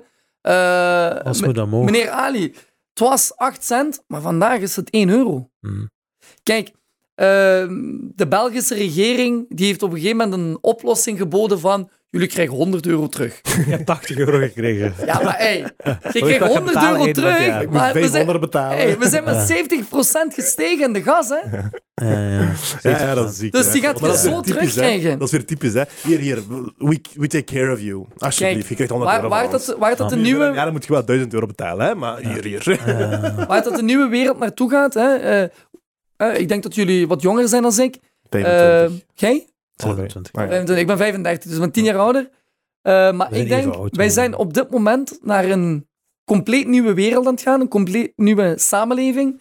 Waar ehm, ik wil niet pessimistisch zijn, maar ik denk wel dat als alles zo doorgaat zoals het nu gaat. Hè, ik kan een voorbeeld geven. Ik praat heel graag met voorbeelden. Waarom? Omdat eh, mensen die meeluisteren, die kunnen dan ook denken van, ah ja, dat is ook bij mij van toepassing. En dan heb je ook uit je opleiding gekregen, waarschijnlijk. Zeker, want dan, dan biedt je ook... ehm, aan de hand van voorbeelden kunnen we mee gaan nadenken van, hé, hey, ja, dat Ja, herken ik, herkenningspunten maken. Voorbeelden zijn belangrijk. Ja. Dus ik heb op een gegeven moment, eh, toen ik uit mijn voorgaand bedrijf kwam, heb ik gewerkt bij Nike. Hè? Maar ja, ik, ik ging naar Nike twee keer per week, eh, vijf keer eh, per week. En ik ging twee keer per week tanken. Vanaf Maasmechelen naar Ham, dat was 60 kilometer. Dus op, af, op, af. Dat is Nou, genoeg. hè? Dus je hebt op een week tijd heb je een tank van 100 euro nodig. Mhm. Vroeger ging je op en af, was dat 400 euro. Hè? Ik doe nu 85 euro, dus dat is 600 euro. Dat is 200 euro gewoon om naar mijn werk te kunnen gaan. Ja. Dus dat wil zeggen, je verdient 1800 euro, min 600, zit je op 1002. Je hebt 800 euro huur, je hebt nog 400 euro over, je hebt twee kinderen rondlopen. Nee, nee. Nee, Hey. ja. Wij, Maar zijn, wij zijn ergens naartoe aan het gaan. ik denk, ik denk eh, Maar dat iedereen wakker moet gaan worden van, hé, hey, wo, wo, wo, wo, wo, wo, wo. we moeten het toch anders gaan doen. En ik denk, en ik denk Nee, dat... frit eten. ah, niet zien aankomen, hè, Emre. Oeh, dat was echt zo... Ik liep links zien en pata. ik, heb een, ik heb een rijke High-tech vriend. plots. Volgende keer als ik die maak, zet ik mijn bril op. En een sigaret. ik, heb een, ik heb een rijke vriend en die zegt: In deze tijden kun je eigenlijk niks doen behalve eh, meer verdienen. Stekken, ja. Alles wordt duurder. Ik ging net Je kunt, zeggen. het enige wat je kunt doen, we kunnen, we kunnen zeggen van de prijs, of eh, dit is duur, gas is duur, en ik weet niet wat. En dat is ook niet zo gemakkelijk, wat ik nu zeg voor iedereen. Maar het enige wat je eigenlijk kunt doen, is eh, meer verdienen, meer geld verdienen. En op die manier erop Kijk, voorbereid eigenlijk- zijn op eigenlijk- prijsstijgingen. Mhm. En hoe je dat volgens mij het beste kunt doen, is door een diversificatie van je portfolio. Dus door verschillende inkomstenbronnen te hebben. Ja. Dus eh, mannen, begin harder te werken. Voilà, begin slim te zijn met jullie geld, ik zweer. Want dat is ook iets wat we nooit hebben meegekregen van onze ouders. Hè. Ehm, in het algemeen, hè, als we het dan weer hebben over allochtonen en autochtonen, dat is ook, die Belgen worden, die worden geleerd. Die leren hoe je moet sparen. Die leren hoe je met geld moet omgaan. Ik gelukkig zelf, mijn moeder heeft me dat ook altijd geleerd, maar ik weet wel van heel veel mensen in mijn omgeving dat dat gewoon niet werd doorgepusht. Nee, dat- Bij ons Kijk, was het ik gewoon ik in een rijwoning. zeggen. Gewoon in een rijwoning, maar een huis is niet belangrijk, een auto is belangrijker. Koop maar die BMW, koop maar die Porsche. Kijk, Terwijl je nog altijd in een rij woont. Ik ben- ik ben Snap je? 35 die- jaar- Ik vind Klopt die logica ook niet kloppen. Ja, dat klopt niet. Ik ben- Zorg ik dat ben je eerst je 35 vastgoed jaar. hebt En doe dan wat je mooi vindt, wat je chic vindt. Ja. Zodat je eerst settled bent. Zekerheid. Kijk, ik ben nu 35 jaar. Mijn eerste auto, dat weet ik nog heel goed, dat was een Daewoo Kalos. Hè, Ik had die gekocht voor 250 euro. Nee, ja. Echt waar, serieus. Ik heb daar 100.000 kilometer mee gereden. Die heeft me overal ja, met een auto voor 250 En ik euro. heb, ik heb alle klanten heb ik binnengehaald met die auto. En op een Ja. gegeven moment was mijn ruit ingeslagen. Ik had geen geld om die ruit te laten maken. Oké. Daarna ben ik naar een BMW 318 gegaan van 2000. Mhm. Hè? Van model twe- 2000 van dat jaar. Mooie auto's. Ik heb twee keer de motor opgeblazen. maar die motors die waren overal te krijgen. Dat was Zeker, dat is 600 euro. van die auto's. Hè. Ja. En nu rijd ik in een eh, Mini Cooper SD. Eh, Oh, mooi, hè? maar ik blijf gewoon, blijf gewoon normaal. Kijk, succesvol zijn, dat wil niet zeggen dat jij in één keer vijf huizen moet gaan bouwen van 600.000 euro. Kijk, jongens, maak die fout nooit in jullie leven. Heel veel mensen in onze omgeving, onze vrienden, eh, onze kennissen, onze familieleden. eh, bij ons Turken gaat het heel vaak om kapitaal. Hè? Mhm. Er zijn zogezegde communisten, maar die hebben de dikste Rolexen en die verdienen het meeste geld. En die buiten de mensen nog het meeste uit. Mij nog niet. hè. Ja, Eh, ja. En dat zijn mensen in onze omgeving, in onze families. Wat heb ik mijzelf aangeleerd? En ik denk dat het een mooie boodschap is ook voor de opkomende jeugd. Eh, er zijn heel veel mensen in mijn omgeving, directe omgeving. Ik vind dat heel cool, hè? Mensen die rijden met een Porsche. Hey, Tuurlijk. ik, rij, ik woon All op power to you. Ik vind het ook zeker. Ik hoop Ik dat je bankrekening ook zo vol is. Gewoon. Ik zweer Ik je. hoop gewoon dat je bankrekening ook zo vol is. Daar gaat het mee om. Kijk, ik hoop dat dat geen domme aankoop was. Dat ja. Dat je in die Inderdaad, Porsche rijdt. Maar alsjeblieft, zeg me niet dat dat een domme aankoop was. Ja. Zeg me direct maar dat je koelkast wel vol is. Terwijl Ja. je daarmee rijdt. Inderdaad. En Ik die denk, bankrekening, kijk, je, je child, children of- are set uh, uh, de tien jaar vooruit. Het gaat aan het leven. Dus je kunt een auto van 70, 80 jaar Voilà. kopen. Ik wil, niet dat je, 100k. ik wil niet dat je nog 200 euro van je zus moet vragen. En terwijl maand. je in die auto rijdt. Dan vind ik dat niet chic van u. Nee, nee, nee. Nee, Snap je? Dat is wat je. Dat, Maar dat kijk, is- er dat is heel veel, er zijn heel veel mensen, bijvoorbeeld eh, omwille van de complexiteiten van waar dat wij vandaan komen, naar hier. Ehm, Dat is ook, kijk, eh, vanaf het moment, eh, nu ga ik een beetje het spiritisme, in, hè, spiritueel, eigenlijk consciousness, Mhm. subconsciousness, oeh, hè, subconsciousness. Dus ehm, hoe gaat jij om met, met, met mensen? En eigenlijk, als we daar... Kijk, ik zeg, hè, ik ben een heel spiritueel gelovig iemand. Wij zijn één, wij zijn liefde. Wij zijn hier aan het trainen. Kijk, heel vaak zeggen Turkse mensen, die, waarbij, de, waarbij het geloof geïndoctrineerd is, ja, wij werken voor het hiernamaals. Kijk, stel dat er zo'n plaats is, hè. De vraag is, hoe heb jij hier geleefd? Heb jij mensen geholpen? Mhm. Heb jij, als je het goed had, eh, omgekeken naar je... Of ging jij mensen net vertrappelen? Wat heel veel gebeurt in onze cultuur. Als mensen het hebben, gaan die u zien en dan denken die van... "Pah, je bent niet mijn level. Ja, letterlijk neerkijkend Dat- zoals je ja, doet. Neerkijkend, ja. Mensen zeggen tegen mij, eh, na mijn relatiebreuk eh, kwam ik uit Antwerpen, ik had een loft, ik had het heel goed. Eh, en op een gegeven moment ging ik naar, ik had niks. Mhm. Mijn ouders zaten in Turkije, sociale Een woning. rijke vriendin dan? Of hoe, hoe zit je alles kwijtgeraakt nadat je uit elkaar gezet? Ah, kijk, ik zal het zo zeggen. Ik was... eh, Hadden jij zei het al Ja. zo. Nee, Hadden nee, een ja. scherpe. Ik heb, kijk, ik heb, ik heb, dat is een ik- ja. kijk, ik heb, ik heb heel, kijk, ik heb heel goed geleefd en eigenlijk tot mijn dertigste heb ik nooit nagedacht over wat is sparen. Waarom? Ik had een heel succesvol bedrijf. Ik kon doen en laten wat dat ik wilde. Maar wij hebben dat nooit meegekregen, daarom. Daarom dacht je, daarom je wat is sparen. Nee, jong, ik had, ik had onze breuk met mijn eigen familieleden. Ik had dat niet zien aankomen. Echt niet. En eh, ik denk, ja, ik ga het niet zeggen, maar ik had echt een sava salaris, jongen. Echt waar. Ik had een dikke loft, ik had een auto. Hoe lang is dat geleden? Eh, ik heb vijf jaar in dat bedrijf gewerkt. Dan mocht je dat toch wel zeggen ondertussen. Nee, nee, het is, het Zeg gewoon over of under, 5k netto. veel meer. Eh, Ik denk, ik denk als zelfstandige kun je tot 35 of 25. Nee, nee, niet, niet zoveel, Maar ik heb maar het over netto, hè, in je eigen zak. in hè. je Dat is het loon wat je jezelf ik had- geeft. ik had- 7, ik had- 8. Ik had het heel goed, laat ik het zo zeggen. Boven de 5k, Ja. voilà, zo weet Kijk, je We het. zijn, we zijn al Dus zijn- eh, wat, wat, dan, dan gaat je uitdaten, je woont, je, hebt, je zit echt heel chic. Eh, dus op een gegeven moment denk je van oké, de wereld, hè, the world is mine. Maar op een gegeven moment gaat jij, hè, bijvoorbeeld ik heb heel veel reizen gemaakt, dat raad ik jullie sowieso aan. Sowieso. Ik heb, eh, ik heb heel veel gezien waar, van de... waar is het overal geweest? Buiten Goh? Bali, eh, Jakarta, hè, in. Indonesië, Thailand, Vietnam, Dus Mexico. Cuba, eh, heel Europa. Ja. En eigenlijk een van de meest fascinerende landen, hè? echt waar. Ehm spring in de auto en rij naar Polen. Je gaat, je gaat echt denken van, hè, is dit Polen? Dat geloof ik. Groen, bijna geen autostrade, alles is 70 per uur. Een super mooi land. Echt waar, geweldig. Ik heb daar, dat zijn heel zakelijke mensen, die komen pas 20, 30 jaar uit, de, uit het communisme. Dat ja. voelt je nog. Mhm. Die mensen zijn... Dat is ook ehm, in Hongarije. ja, dat zijn, dat zijn heel mooie mensen. Italië vond ik heel mooi. Daar ben ik in Bologna geweest. Ja, weet je, Londen en zo, dat is allemaal... Pff, dat is- standaard ook. Oké, cool. Ik wil nog één ding vragen en dan denk ik dat we kunnen afsluiten, want we zijn al redelijk over tijd. Hè? Maar dat komt omdat je zo interessant zit als dan. Dankjewel, dankjewel. Nee, maar je weet, ik ben, ik ben een psycholoog. Hè? Dus hetgeen wat mij interesseert, of van, van opleiding toch, wat mij interesseert, wat je daarnet zei. Ehm, op welke manier hebt jij uw rector doen wenen? Jij zegt dat je, je hebt bepaalde dingen meegemaakt. En dat geloof ik best. Want het zijn ook vaak speciale mensen gelijk jij. Mensen die een bepaalde drive hebben, die een bepaalde dingen hebben, die, die hongerig zijn. Dat zijn vaak mensen die iets hebben meegemaakt. Of die, die, die door wat moeilijkere tijden hebben moeten, zich erdoor hebben moeten knokken. Dus je zegt, wat zijn Kijk? Ik De- zie dat de vaker studie zo'n dingen. Dus ik vraag me af, Ja. welk, wat zijn dan die moeilijke tijden die jij hebt meegemaakt? Of, Kijk, ik zal, ik zal het zo zeggen, dat is zo de emotionele kant, maar ik durf het wel te vertellen. Toen ik zes maanden was, is mijn moeder uit het leven vertrokken. Dus Mhm. ik heb die connectie nooit gehad van, wat is een moeder? Ik heb een stiefmoeder die heel lief is. Ehm, en ik heb daar een goede band mee. dat is wel mooi, want dan... Eh, een, een Dus- keiharde vrouw, echt waar. En ehm, ik denk dat ik ook op dit moment hard kan zijn, omdat bij ons thuis was het niet van, ah, Jim, hè, zo van, oh, lief en dit. Nee, nee, het was gewoon keihard, diehard. We hebben cijfers nodig, waren jullie thuis? we hebben gedrag nodig, vijf. Oké, ja. En onopvoedbare kinderen, hè. Ik, hè gewoon Allemaal echt jongens. vijf van die druktemakers. Vijf jongens. Nee, drie zussen, twee jongens. Ja. En ehm, Maar allemaal Maar als, ik, als, ik, als ik vijf jongens zoals u had, dan man, jij hebt vol energie. Dynamiet, waar. wauw. En dat vol elke dag. Ja, echt waar. Maar kijk, eh, daar, daar- dat, misschien is dat een mooie afsluiter. Eh, op een gegeven moment, nou, dat is met mijn moeder gebeurd. Dus ik kwam op een bepaalde leeftijd kwam ik daarachter van, wow, eh, eigenlijk is mijn stieffamilie, niet mijn familie, maar in één keer kreeg ik allemaal andere omen en tantes en neven en nichten. Hè, wat gebeurt hier?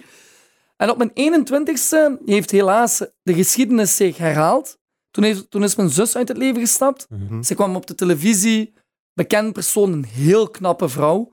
Echt een heel knappe vrouw, lang haren, echt een heel knappe Turkse vrouw gewoon. Heel sociaal, ook eh, ADHD gelijk mij lekker druk. beetje, ja. Toen zij uit het leven is gestapt, ehm, dacht ik van, oké, we kunnen twee dingen gaan doen.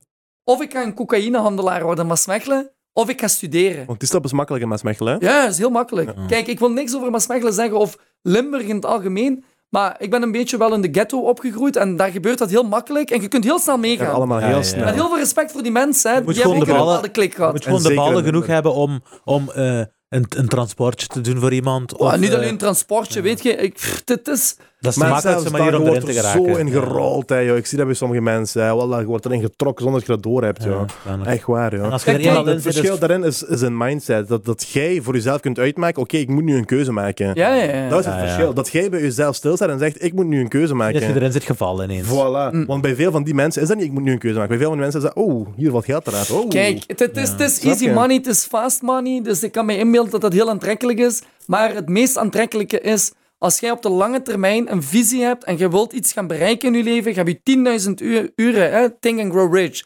Je hebt dat bewerkstelligd en dan komt het vanzelf. Maar wat is dat kantelpunt geweest van die rector? Eh, op een gegeven moment, zij kwam mij uit de klas halen. Nee, ze kwam in de klas en zei, mensen die problemen hebben, die komen naar mij toe. hey, ik ging studeren, twee weken geleden was mijn zus Ja. zelfmoord gaan plegen. Mm. Dood, klaar, afgelopen. En iemand waar dat heel erg veel van houdt. Allah rahmet is trouwens. Ja. Dankjewel, dankjewel. Ehm en op een gegeven moment, die vrouw die deed zo, je kent dat wel hè, Nederlands. En eh, het was allemaal zo, die hebben niet echt heel empathisch gevoeld. Nee. Dat is voor hun zo business. De Nederlandse mentaliteit is business. Ja. En na een paar maanden, de moeder die overlijdt aan kanker. En twee weken later de vader. Dus ik heb een band gekregen met die vrouw. Ja. Die ventileerde heel vaak bij mij, ik ventileerde bij haar. Dus we zijn echt connected geweest. En ik wilde heel vaak stoppen met mijn studie. Ik had geen geld, er was geen werk. Mm. Minke, ik had kosten van... Kijk, Minke, hè? Ja. Zijn dus een terug in Limburg. Ja, ja, sowieso. Maar ik had, ik had kosten van 1000, 1200 euro. Eh, mijn ouders, ja, die hadden nog andere kinderen, weet je. Ja, dat is niet En daar- die hadden het niet ruim. Dus ik dacht, ja, hoe de fuck moet ik dit gaan doen? Dus ik ben eh, gaan werken als vuilnisman. Ik ben gaan werken in callcenters. Eh, ik heb in de, in de horeca gewerkt. Ik heb ergens gewerkt Exact hetzelfde hier, hè. in, in, in Nijmegen voor 4,5 euro. Terwijl dat het minimumsalaris 7, 8 was. Ik zei ja. Mijn En die was 6 persoon zei tegen mij als eerste, je gaat nu de toiletten poetsen. En iedere keer als je komt, gaat je de toiletten doen. Voor 4 euro. 4,5 jong, maar er was niks anders. Eh, het was eh. blijk, ik had zoiets van, ja, zoveel dagen werk, dan kan ik mijn huur betalen. Zo, hè, dat was Ja, mijn moet- mindset. Weet Begin je, uitrekenen, ja. en die vrouw erg. zei tegen mij, Hassan, hou vol, Hassan, hou vol, Hassan, hou vol, Hassan, hou vol. En zo heb ik nog meer mensen eh, in mijn leven. Bijvoorbeeld Erika Evangelisti, nou, ook een heel, eh, heel bijzondere vrouw. Ehm, Dat is naar Erika. die doet ook heel erg veel, nu nog steeds, van Hassan, hou ko- kop erbij. Hassan doet goed. Hassan blijft eerlijk. Blijf transparant. Doe dit, doe dat. En die vrouw, die rector, die heeft tijdens mijn afstuderen die heeft gehuild. En die zei, dankzij Hassan, zegt hij, weet ik waarom dat ik vroeger ging studeren. Ja. Ik wil de mensen helpen. Ah, Zegt hij, ja. maar ik kan geen mensen meer helpen hier. En ze zegt daar, Hassan, dank u wel. Die geeft me een knuffel en die zegt, bij deze heb ik mijn ontslag per direct ingediend. Mijn God. Die is terug dingen geworden, eh, pedagoog Ja. op school. Ah, om echt Gedegradeerd. te helpen. Ja, Om echt te helpen. gedegradeerd. En die zei, ik wil jamais de la vie nog scherpe beslissingen nemen ten koste van studenten. Ik wil de studenten gaan beschermen. En dat is iets van wauw. Ja, Dus dat heb ik bij haar klaargespeeld. Dus eh, wel mooi, ja. Dat is, wel, dat is een mooi verhaal om... eh inderdaad, dat is een mooi naar zowel Hassan als naar de... Eh, Rector. hoe, hoe heet die director? Als ik mag Mirjam van de Wiel. Mirjam van de Wiel. Ja. Misschien dat eh Zenjan eh, die kan vinden op Instagram. Dan gooien we er een clip van of zo. Leuk. Mirjam van de Wiel, ja. Misschien moet hij zelf komen. Hoe heet die? Mirjam? Mirjam, ja. ja. Oké. Mirjam, je is altijd welkom. Als je wil Oh. langskomen... Altijd welkom bij het perspectief. Ja, ja, ja. Dat is een goed punt om af te ronden. Weet je, zeker. ik denk, ik denk ehm, Of niet. gewoon... eh, nee, ik denk misschien zo eh, algemeen eh, afsluitend van... ehm, iedereen kan dingen bereiken in zijn of haar leven. Alleen is de vraag van, hoe graag wilt je doorzetten? En de hele wereld moet begrijpen... Die self-made millionaires die wij zien en waar dat we naar opkijken, dat is allemaal bullshit. Dat is één op één miljoen. Eh, je moet er zelf voor werken. Bloed, zweet, tranen, zoals het zegt. Hè? niet, ja. eh uw verstand erbij houden en niet opgeven. Probeer te scholen en eh, love, Ja, liefde. Lief zijn voor elkaar. dat is echt belangrijk. Peace and love. On Voilà. that note. Mensen, bedankt voor het kijken. We zijn Begin- aflevering nummer 7. Ja. Eh, begin te liken. Begin te abonneren. Eh, vergeef, vergeef ons een volgje op Instagram of Facebook. Eh, we posten daar alle clips op. Daar is een hele bibliotheek aan leuke, bewerkte clips. Om dat eh, een beetje interessant te houden. En Tot volgende week. Habib, care. bedankt voor te komen. En Jongens, Dank jullie ook heel erg bedankt. Bedankt ik vond het echt superleuk. Ik vond en, het ook eh, goed. Ik ben het leuk om, om zo'n inspirerend verhaal te horen van zo dichtbij. Ah, Ik vind dat we nog eens een keer samen iets moeten gaan drinken, eerlijk gezegd. Dat kunnen we zeker doen. Ik zweer, het mag echt Sta ik niet zeker hier, voor eh, open. En over een jaartje of zo eh, doen we misschien een aflevering 2. hier, eh. Als ik in de bak zit. Lastig follow-up. Jongens, ik heb die echt uitgehaald. En dat was niet ingeoefend, hè, dus... eh.